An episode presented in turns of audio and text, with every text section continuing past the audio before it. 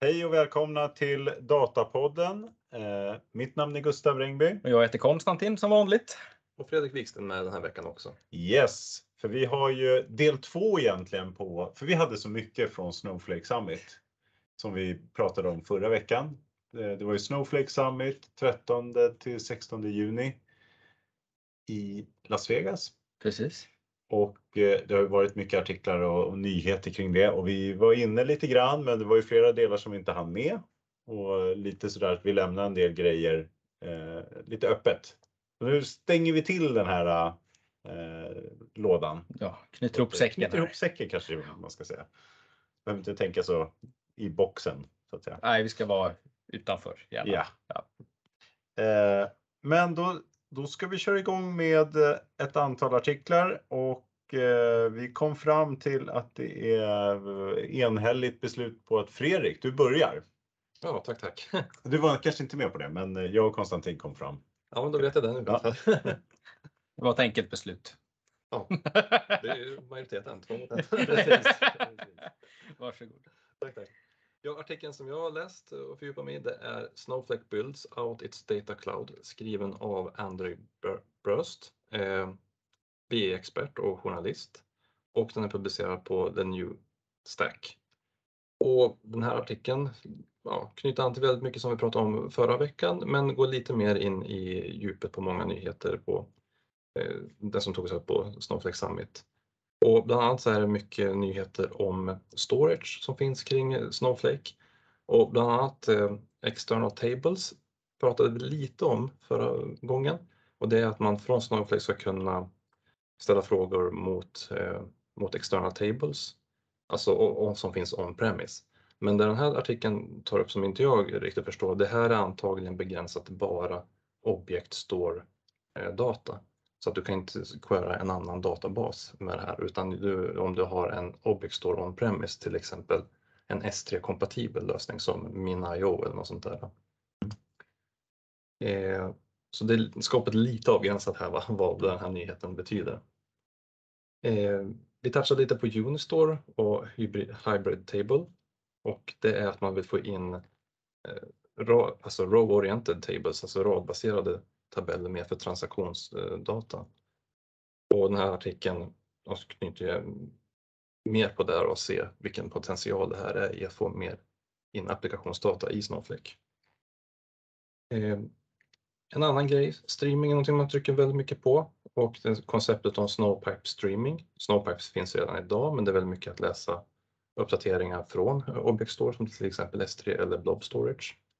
Eller, eller i GCP finns det också. Ehm, och de här alltså Snowpipe streamarna de kan vara utbyggda att du, kan, du ska kunna deklarativt transformera data när du konsumerar data från strömmen. Eh, idag finns det också connector till exempel för, för Kafka, men jag gissar att vad de pratar om här med Snowpipe streaming är att det ska vara mer alltså enklare koncept än att du ska leta just en connector för det och det, utan de kommer ha mer Snowpipe streaming är en del för din strömmande data. Ehm, vi pratade väldigt mycket om Python förra veckan och en grej som jag inte tog upp då det var att i Snowflake, alltså det, webb, det webbaserade GUIt för Snowflake, där ska du kunna skriva Python-kod direkt så du behöver inte en klient. Och allt det här som jag tar upp det är, private, det är private preview så att det finns inte i testkonton och det är inte public utan du måste ha varit kontaktad av Snowflake för att vara eh, med och testa de här grejerna. Men det är spännande saker som ligger där i private preview. Mm. Eh, en annan grej med, för att ja, få fortsätta på storage, det är att de, vill ha, de introducerar support för Apache Iceberg.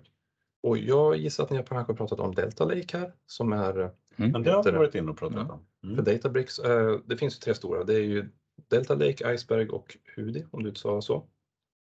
Och det är ju för att få ACID-kompatibilitet till en eh, fil, ja, filyta. Och, men det, finns, men det intressant med Iceberg är att den stödjer fler filformat. Den stödjer Parkett, Ork och eh, Abro. Och nu kan jag inte Delta Lake så bra, men jag tror att Delta Lake bara stödjer Parkett. Ja, jag tror det är en Parkett. Det är som version av Parkett. Ja.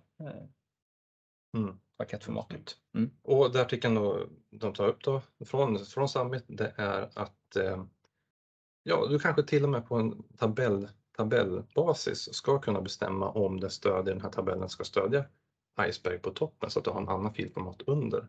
Mm. Och det här som författarjournalisten tänker på här och som jag också kommer att tänka på det är att jaha, om du bestämmer det, då liksom rationaliserar du bort vissa delar av Snowflake. Om du säger att det här stödjer Iceberg, det är ett öppet format, så då kan du använda en annan engine för att köra data ja, statements som du redan har i Snowflake. Mm. Så du kan använda Spark eller Flink mot Iceberg. Mm. Och det här går ju lite så här, ja, lite som du pratade om Konstantin förra, förra, förra gången, att eh, den prismodellen, att det är lätt att skala upp Snowflake, men det är också mm. lätt att skala ner. Och här också, det är lätt att få in data i Snowflake, men också lätt att få in andra heter engines på, på det. Mm. Så det här, liksom går ju mitt, det här går ju, många liksom försöker låsa in kunden, men det här känns ju som att det är tvärtom. Mm. Att det öppnar upp fler och fler möjligheter. Ja.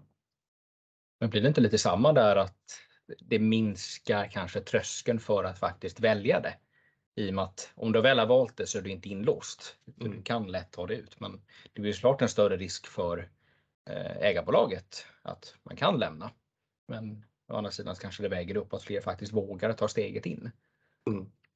Jag, jag, själv gillar det. Jag, de, som gillar, de som jobbar med mig, och, de vet att jag älskar open source. Jag tycker att det här är liksom det, det är samma mentalitet där, alltså mm. du tar det du behöver. Och för mig är det ett jättestarkt eh, säljargument i alla fall. Och jag tycker att, det, ja, att man inte jobbar med en inlåsningstaktik, det tycker jag att det är kanonbra. Mm. Um, ja, och en sista grej som jag till sist här som jag vill diskutera mer. Det är, den nämner om, och det är väl ingen riktigt fast där, men Snowflake skriver själva lite om Native Application Framework. Och det här tror jag knyter an till Streamlit som jag pratade lite om förra gången. Och Streamlit, vad det är, det är kort att enkelt visualisera Python-data, framförallt datavisualisering. Det är ingenting som har hindrat dig tidigare att till exempel bygga en egen flaskapplikation till exempel. Men Streamlit gjorde det här liksom väldigt enkelt. Och sen visste inte jag att Streamlit är köpt av eh, Snowflake. Det gjordes i mars i år. Mm. Så det, det, var nytt för mig och nu försöker de inkorporera det här då. Och jag tror visionen är att du har ju Snowflake Marketplace där du ska kunna sälja data och dela med andra eh, gratis eller sätta ett pris på det. Men jag tror nästa steg är också att du ska kunna bandla ihop den här datan, sätta ihop den med en applikation. Så att du har inte bara data du säljer utan du säljer också procedurer, funktioner, mm. visualisering som hör mm. till det här datat eller kunna sätta ihop med annat. Och det tänkte jag på att jag har jobbat en hel del tidigare med väldigt eh, strukturerat data till exempel inom, eh, inom skola och utbildning. Och till exempel skolor runt om i Sverige, nu tar jag det här bara som ett exempel, mm. mm. det är väldigt standardiserat. Eh, data ska liksom levereras till kommuner, det ska ut till skolan, det ska till föräldrar och så vidare. Låt säga att du skulle dela all den här datan mellan skolorna i en marketplace och sen så ställer du, lägger du också en applikation på det. Så att du har liksom ja, är du i den här infrastrukturen så har du så lätt att både använda den och dela den med andra och sen bygga på den själv. Mm. Jag, jag, ser potential i det här. Så de hade någon eh, tanke där att, eh, läste den där artikeln också lite grann, ögonen igenom det här med Unistore och med det här som hänger ihop då att det ska bli dataapplikationer. Och lite grann att man vill att just för att data sprids ut. Vi pratar ju också om det om att REST API är alltid svåra att få ut data ur. Eh, och ja, de är olika varje gång också. Allting ser annorlunda ut och det är ja. alltid krångel. Men att eh, lite grann av målet här är att ja, men, bygger du en massa software as a service-tjänster överallt så ska de hamna, datat ska hamna i Snowflake. Du ska kunna bygga operativa tjänster direkt där. Så att datat är där redan så slipper man det här problemet att du måste hämta in det hela tiden in i Snowflake. Mm. Så att datat ska vara på plats redan innan eller när du bygger de operativa lösningarna. Mm. Det är ju jättespännande. Ja, verkligen. Och på det kommer redan färdigpaketerad, som du som utvecklare har gjort, då, visualisering på det och användande av det. Mm. Mm. Men flera av de här är i private preview av de här sakerna du tar upp egentligen? Ja, allt det jag tagit upp är private preview. Mm. Så... För att kunna få tillgång till private preview så ska man vara ett stort bolag och man ska ha signat upp sig va? Jag vet inte, man får nog ta den med sin eh, jag skulle gissa med sin Snowflake-kontakt. Ja. Vilka som mm. är med i de private preview. Mm. Kanske köpa lite bullar till dem. Men... Ja, ja. De nämnde ju den här äh, artikeln om just det här med externa tabeller äh, och S3 API har, de, de stödjer det att du kan liksom ha en eh, om du har en eh, S3-tabell någonstans så kan du hämta data från den och lägga den som extern tabell. Mm. Men att S3 API har blivit en standard så att det är inte bara från S3 är ju fillagring i Amazon. Mm. Men det finns en massa andra system som börjar stödja exakt samma API så att man kan liksom ha filer på annat ställe och ladda dem som om de vore i Amazon Web Services. Ja, det är häftigt.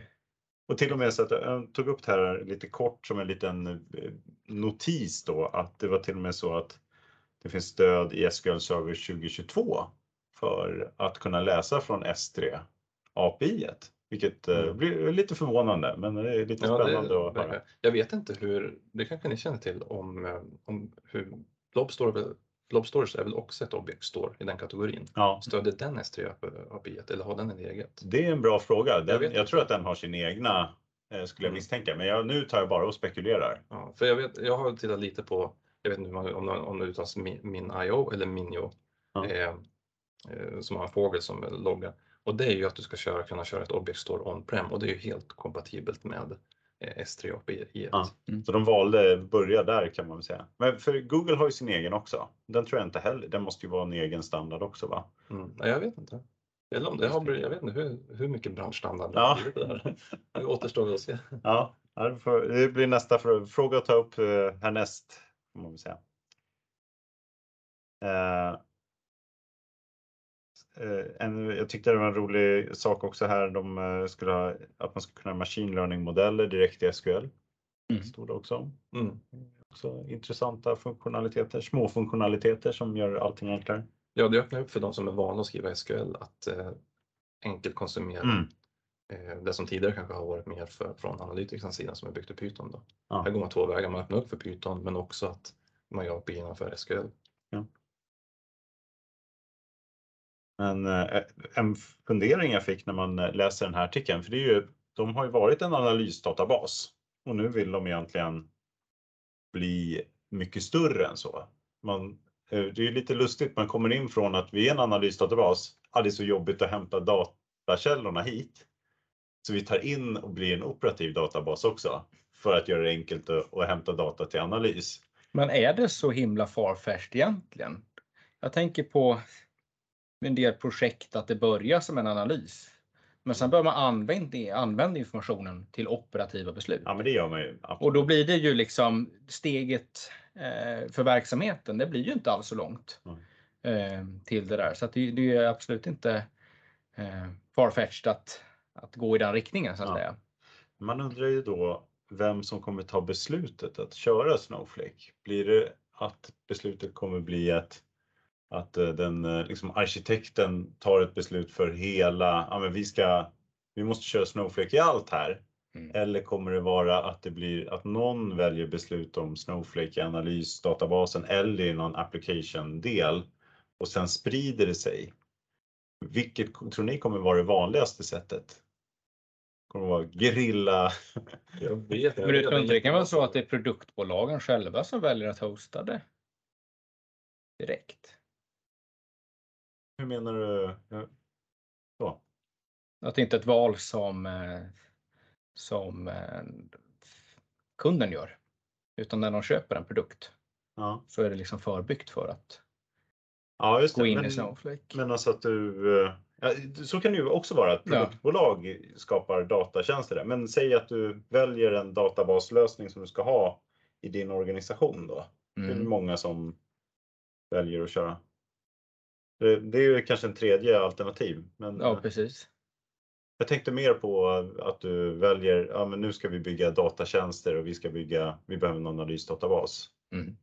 Eh, och var man börjar någonstans då. Om det kommer bli, Ja, där vi står idag är det ju inte att du har till exempel en Låt säga att du har en stor organisation, du har interna applikationer och interna databaser. Jag tror inte att initiativ kommer komma därifrån att köra Snowflake utan det måste ju komma från något annat håll. Ja. Eh, Jag tror det är ju, dels är det ju bara i private preview än, men i framtiden, jag vet inte, då kan det bli en bra transaktionsdatabas också så att man Ja. faktiskt väljer den och att den konkurrerar med traditionella. Det är ju, ja, kan, kan bli, vem vet? mm. Nej, de, och de får ju nya konkurrenter då också får man väl säga. om man har hållit sig att vara en analysdatabas tidigare. Nu får man eh, en helt ny typ av konkurrens då från de här, det är egentligen de stora molnplattformarna va, som är de nya. De blir mer, ännu tydligare eh, konkurrenter. Mm. För det är ingen annan som gör en sån helhetslösning, va? eller vad säger ni?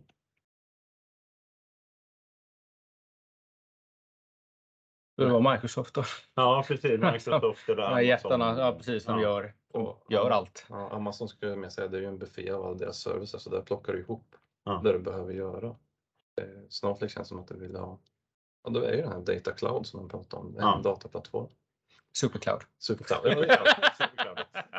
Det blir liksom, man bygger på de andra molntjänsterna men man vill göra, ta in mer av funktionaliteten som du har gjort annars i, ja, i andra tjänster då inom molnen. Mm. Mm. Ja, Ska vi gå vidare? vi kan hoppa vidare. Och då um, tänkte jag köra lite vidare på deras nästa nya workload med cybersecurity. Mm. Eh, nämnde den lite kort här förra veckan. Eh, men har en artikel som hittade på cloudcomputingnews.net eh, med titeln Snowflake unveils cybersecurity workload to tackle threats with its data cloud. Och Snowflake presenterade alltså en åttonde workload, Eh, cybersecurity, jämte det som redan finns. Det vanligaste som man använder skulle jag säga är data warehousing, data lake, data engineering med Snowpipe och sådär. Sedan finns ju också Data Marketplace där man säljer data och kan få tillgång till tredjepartsdata. Data Applications och Marketing Analytics finns också. Men cyber, cyberhot är ju ett stort problem idag. Eh, på många stora bolag som man kan tänka sig att det sker hot, alltså försök dagligen eller snarare konstant på riktigt stora bolag. Eh, men de skrev i artikeln här att enligt en enkät från marknadsföretaget Forrester rapporterade 55 av de tillfrågande att de har varit med om en incident, en allvarlig incident eller ett intrång de senaste 12 månaderna. Och för att stjäla deras data då. Eh, och det är ju, det sätter verkligen fingret på, ett- på ett stort behov eh, som behöver lösas. Och då har då Snowflake kommit upp med den här Security Workload. Och det här kretsar främst kring två saker, synlighet och automatisering. Eh, traditionella CM-lösningar som står för Security Information and Event Management.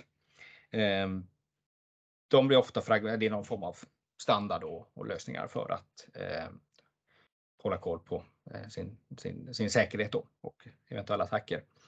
Eh, men det blir ofta liksom fragmenterande för data sprids ut i olika, liksom, på olika silos på olika ställen. Eh, och det finns liksom ingen riktig samkörning i det hela. Så att grundkonceptet är att alla loggar ska kunna samlas på ett ställe för analys i en security data lake. Egentligen så låter ju inte detta som någonting nytt. Det är liksom traditionellt att ha massa olika silos du i en enda databas eller data lake. Um, så man kan ju fråga sig vad är det som är nytt här? Um, Men sen så säger de då att med hjälp, när då allt ligger i den här security data laken så ska man kunna med hjälp av de här off the shelf applikationer som utvecklas av tredjepartsleverantörer eh, leverantörer då kunna koppla på detta på alla sina loggar och ha färdiga dashboards, eh, alerts och så vidare. För att ha koll på detta. Och några partners då som lyfter fram är Hunters och eh, Secure, Securonix. Låter nästan lite eh, schweiziskt. X. Ja, jag tänker Asterix och Obelix. Ja, det tänkte du. Jag tänkte mer på det. Vet, vet de här schweiziska knivarna? Victorix eller Victorix. ja, just det. Ja, de. Det, det är roligt vilka associationer vi har här. Jag minns för, för, förra veckan pratade vi om uh, Buzz Lightyear. Ja, Beyond, Beyond the Naboy. Och Ja. jag, och jag, tänkte, att, vad säger man det ofta? Det är Buzz Lightyear, men det, det är inte det. Ja, vi konstaterar Infinity and Beyond var Det är Buzz Buzz Lightyear. Lightyear, Ja. Ja, just det. Och du var inne på Star Trek och det finns faktiskt en film, Star Trek-film som heter uh, Above and Beyond. ja, det var Above också. Var det inte bara Beyond? Heter den bara Beyond? Ja, jag tror det. Ja, och denna vecka var- presenterar vi Miraculix. Ja. The Data Wizard. Namn på en eh, Jag gillar det. Jag datatjänst. ja. Ehm, men jag har försökt liksom att förstå lite mer liksom vad, vad, vad är det egentligen den här security workloaden? Mm. Men det är lite svårt ännu liksom att förstå vad, för man tänker sig att om de har en, en security data lake, det måste ju finnas något liksom färdigt på något sätt om det är om det är att den suger ut på något sätt, finns någon connector där eller att allting hamnar i ett visst format. Man kan ju också tänka sig att det är något som de här eh, tredjepartsutvecklarna som, som Hunters då, att de för att kunna använda deras applikationer så måste datat finnas på ett visst format och då kan man bara trycka på det eh, och sedan använda det då. Eh, så det ska bli spännande att se hur det eh, kommer att fungera i praktiken sen. Mm. Eh, de citerade Pallavi Damle som är Vice President of Enterprise Security på Netgear. Eh, och de har då testat det här och mm. kört. Och han sa så här.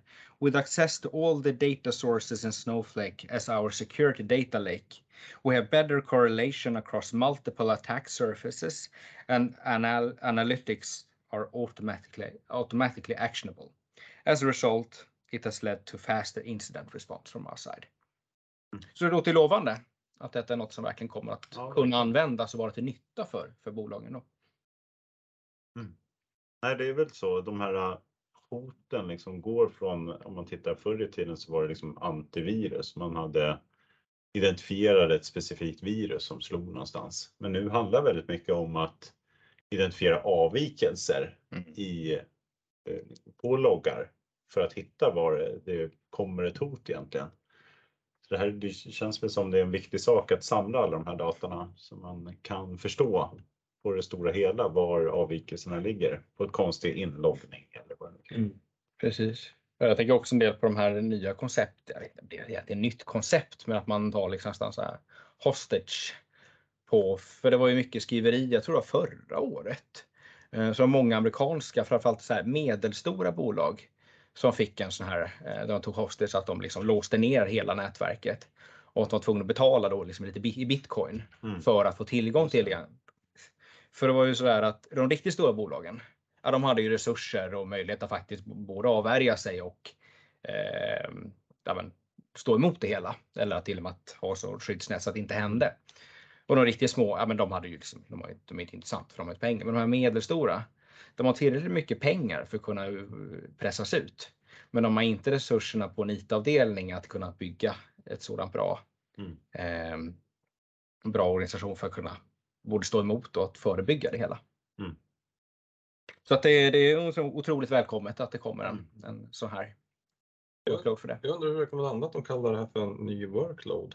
Därför att tidigare traditionellt har deras workload varit att det är olika delar du kan använda för att konsumera Snowflake-plattformen och när mm. man börjar prata om security och governance och så vidare, det är någonting som jag nästan förväntar mig inbyggt i plattformen. Liksom, Okej, okay, det är en ny workload, är någonting som jag måste liksom opta in eller opta ut eller något som jag använder eller inte använder. Ja. Eh, men jag tolkar inte detta som någon alltså security kring Snowflake i sig, mm. utan det är ju Snowflake liksom på dina nätverk på liksom alla, alla andra ställen runt om i ditt IT-landskap. Okej, okay, okay, så de, de exponerar utanför Snowflake? Ja, men exakt. Aha, exakt. Så det är ju sätt att samla den datan. Liksom, det man kan fundera på det är ju om vi är ju vi jobbar ju mycket med analysplattformar och liksom generella dataplattformar. Mm. Om det här kommer bli ett särintresse och sköts av någon slags säkerhetsavdelning eller om det är att man kommer ta in liksom generella data engineers då till att bygga de här äh, säkerhetsdata lakesen också. Det är lite intressant att se om hur, eller om de kommer vara färdigbyggda i stort sett av produktbolagen som, som redan har alla connectors. Så man behöver inte liksom göra så mycket för hand. Mm. Det mm. blir väl en intressant sak att se här framåt. Ja men verkligen. Ska vi gå vidare? Ja. Då hade jag en, eh, en sista artikel. Som eh, är från eh, en nyhet då från eh, Alteryx.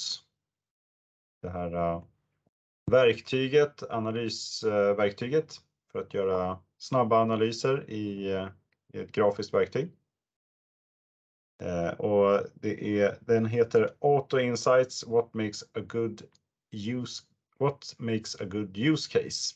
Släpptes för fyra veckor sedan på deras blogg då på Alteryx community blogg. Auto Insight då, vad är det?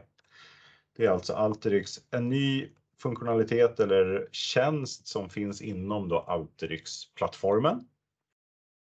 Eh, och eh, hur de presenterar det här då, det är ju att eh, ja, men det är ett verktyg då för att demokratisera analysarbetet. Halleluja. Automatisera ad hoc-rapportering. Yeah. och förenkla arbetet för analytikerteamet. Yes. Yes. Ja. Så, att, eh, så säljer man in det här då. Eh, så det är alltså tanken är här att eh, som de beskriver i artikeln här då att man ska istället för att bygga en dashboard för varje användningsfall så tar man fram ett som kan användas av verksamheten ja, att ställa sina egna frågor mot. Och på så sätt ska man då spara tid då för sina analytiker som tar fram en generell lösning som sen kan utnyttjas. Då. Och eh, för affärssidan då, de, de får ju liksom möjligheten då att snabbt konsumera data utan att det är svårt och, eh, och ska få den här hjälpen att ja, få ett personaliserat stöd då i den här eh, lösningen då som ska vara duktig på att se möjligheterna och hjälpa till att hitta avvikelserna också. Sen ska hjälpa till med analysen lite grann. Eh, det finns eh, några begränsningar i den här lösningen då som de har. Det är en, en uh, cloudtjänst som man kör och det är alltså ett grafiskt gränssnitt liksom, av dashboards egentligen som visas. Men det finns en, en, en, väldigt viktig del här som måste uppfyllas för att man ska kunna utnyttja den. Datat måste vara en tidsserie. Det måste alltså vara någon typ av data som har en datumkolumn. Mm. Kan man säga. Det måste vara tidsserie, annars går det inte. Utan det, det funkar bara med en tidsserie. Eh, men sen kan man ha hur många dimensioner som helst. Andra dimensioner. Bara du har en datum, eh, en tidsserie eh, del också. Mm. Det är, de har liksom stöd då för att det ska vara lätt att jämföra perioder och de ger några exempel på use case där de ser att här, här kan du använda eh, Auto Insight då. Eh, till exempel ett callcenter så har du callcenter teamchefer som kan analysera var samtal och förfrågningar kommer ifrån, vilka produkter som påverkas och eh, var ytterligare utbildning behövs för teamet. De tar upp eh, supply chain exempel där man kan använda det här då för att undersöka vilka produkter som förekommer tillsammans i affärerna. Identifiera förändringar, leverantörskvalitet, förstå historiska trender och ja, eh, titta på lönsamhet eh, i, i, eh, i sina eh, paketeringar då, på olika sätt och bakomliggande kostnader. Och så ett healthcare exempel då där man pratar om att analysera patientdata för att vinna insikt i patienters, se insikterna från patienters historik då. Eh, vilket kanske är lite svårt i Sverige då eftersom det, det här är ju en cloudtjänst så att eh, där är det inte helt lätt att, att använda patientdata i molnet. Det är många som säger emot, som inte vill gå upp med mm. patientdata där får man väl säga av eh, regionerna.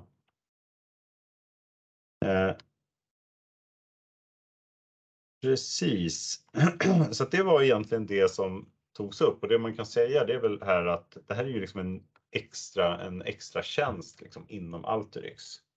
Det är väl lite grann för att börja konkurrera med många andra visualiseringsverktyg för de här tjänsterna finns ju i alla de här stora visualiseringsverktygen. Eh, och så har man kanske några funktioner som, eh, som är lite speciella då för Alteryx som de har eh, grejer. Men de, de saknar nog en del också. Just det här med tidsserier är väl en liten begränsning att man måste ha en tidsserie får man säga. Eh, ja, har ni några kommentarer någonting? Blir det inte då att datat måste ha uppfylla ett specifikt format när du ska trycka in det då till den här Auto Insights? Och att det närmast kan liknas vid färdiga rapporter, färdigt rapportpaket som uppfyller det här formatet. Ja, men så tror jag man kan se det som. För det är inte så att den, den, den analyserar och tar fram nya, alltså den väljer inte ut vissa grafer exempelvis. Att Jag tror om du laddar in, lite sådana funktionaliteter, Ja. att den ska hjälpa en. så att, laddar jag eh, in ett visst typ av data, Ja. då visar den en, ett bar chart eller om jag slår en annan Ja. så blir det en, en eh, ett, ett, cirkeldiagram. Typ. Jag, jag tror att den har det. Jag har inte sett alla detaljer. Jag har sett någon liten exempel på det, Mm. men jag tror att den har lite sådana stöd. Mm. Att göra sådana grejer. Sen så vet man ju aldrig hur långt man kommer på det förrän man sitter och, och använder det i ett eh, real case sådär. Eh, Men det är väl någonting som kan vara intressant att undersöka. Ja, verkligen. Det känns som ett snabbt sätt att komma igång med insikterna. Ja, också. ja verkligen. Eh, Och ja, det, ju, det ligger ju lite här. Alteryx har ju liksom som grej att man ska få över så att affärssidan ska göra väldigt mycket av arbetet Mm. eh, och inte liksom lägga allting på IT. Eh, Det här är ju ändå ett steg då att göra det här lite mer ännu enklare då. Även inom Alteryx-sfären då. Som göra rapporteringen ännu bättre då inom den. Jag uppfattar lite grann som deras filosofi är att IT ska bara vara liksom en enabler, se till att grunden finns, men det är verksamheten som faktiskt gör allting Mm. själva och de ska Ja. ha verktygen för att kunna göra det själva. Ja. Och inte vara beroende att det är någon som plockar ut datat åt dem. Ja. Absolut. Mm. Och, och det där är väl någonting. Det är väl en.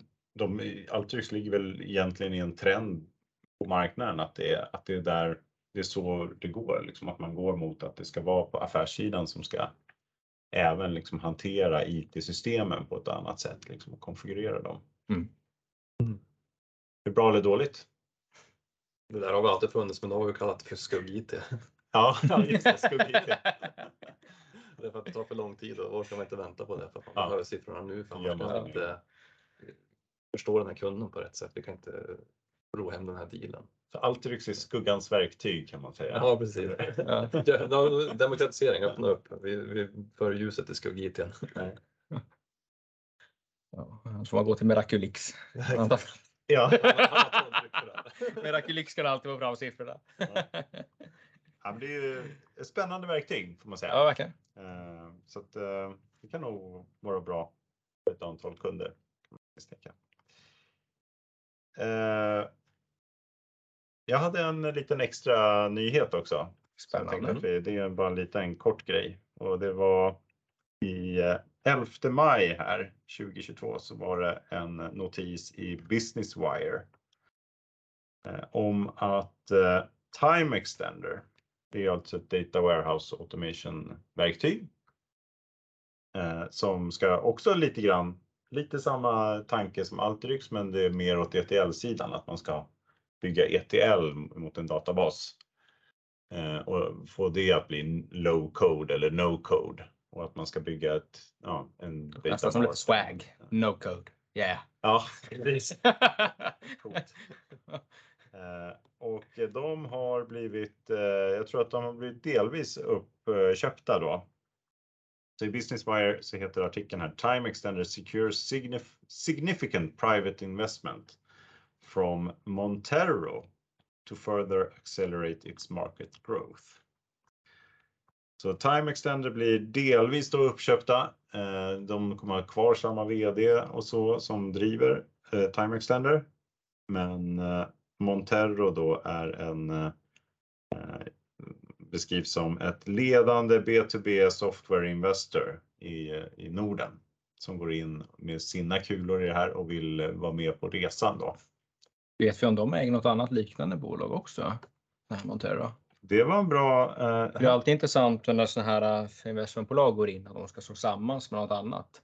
mm. Eller vad som är själva syftet med det. Jag kan svara på det faktiskt. Så här står det i artikeln. Our team has successfully developed and led companies such as Pointsec, Episerver and Mm. Orc Software.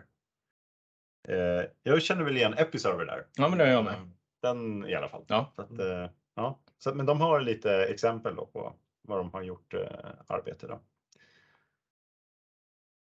Och eh, de brukar vanligtvis köpa då inte hela bolaget utan de, eh, de köper liksom en, en eh, lejonpart men inte hela alltet Mm. och vill ha kvar eh, en del ägarskap då från de som är med i bolaget fortfarande.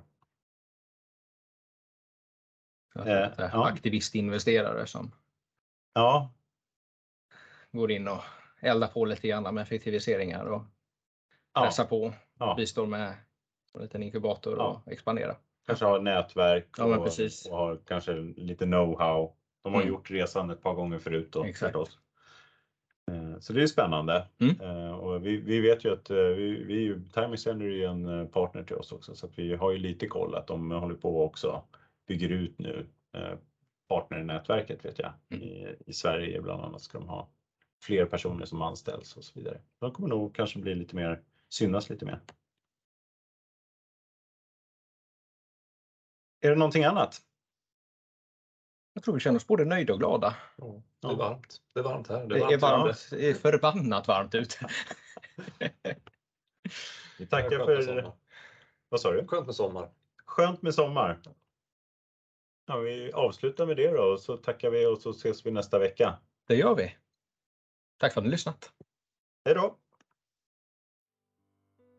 Vakna klockan fem, det är mörkt nu igen Som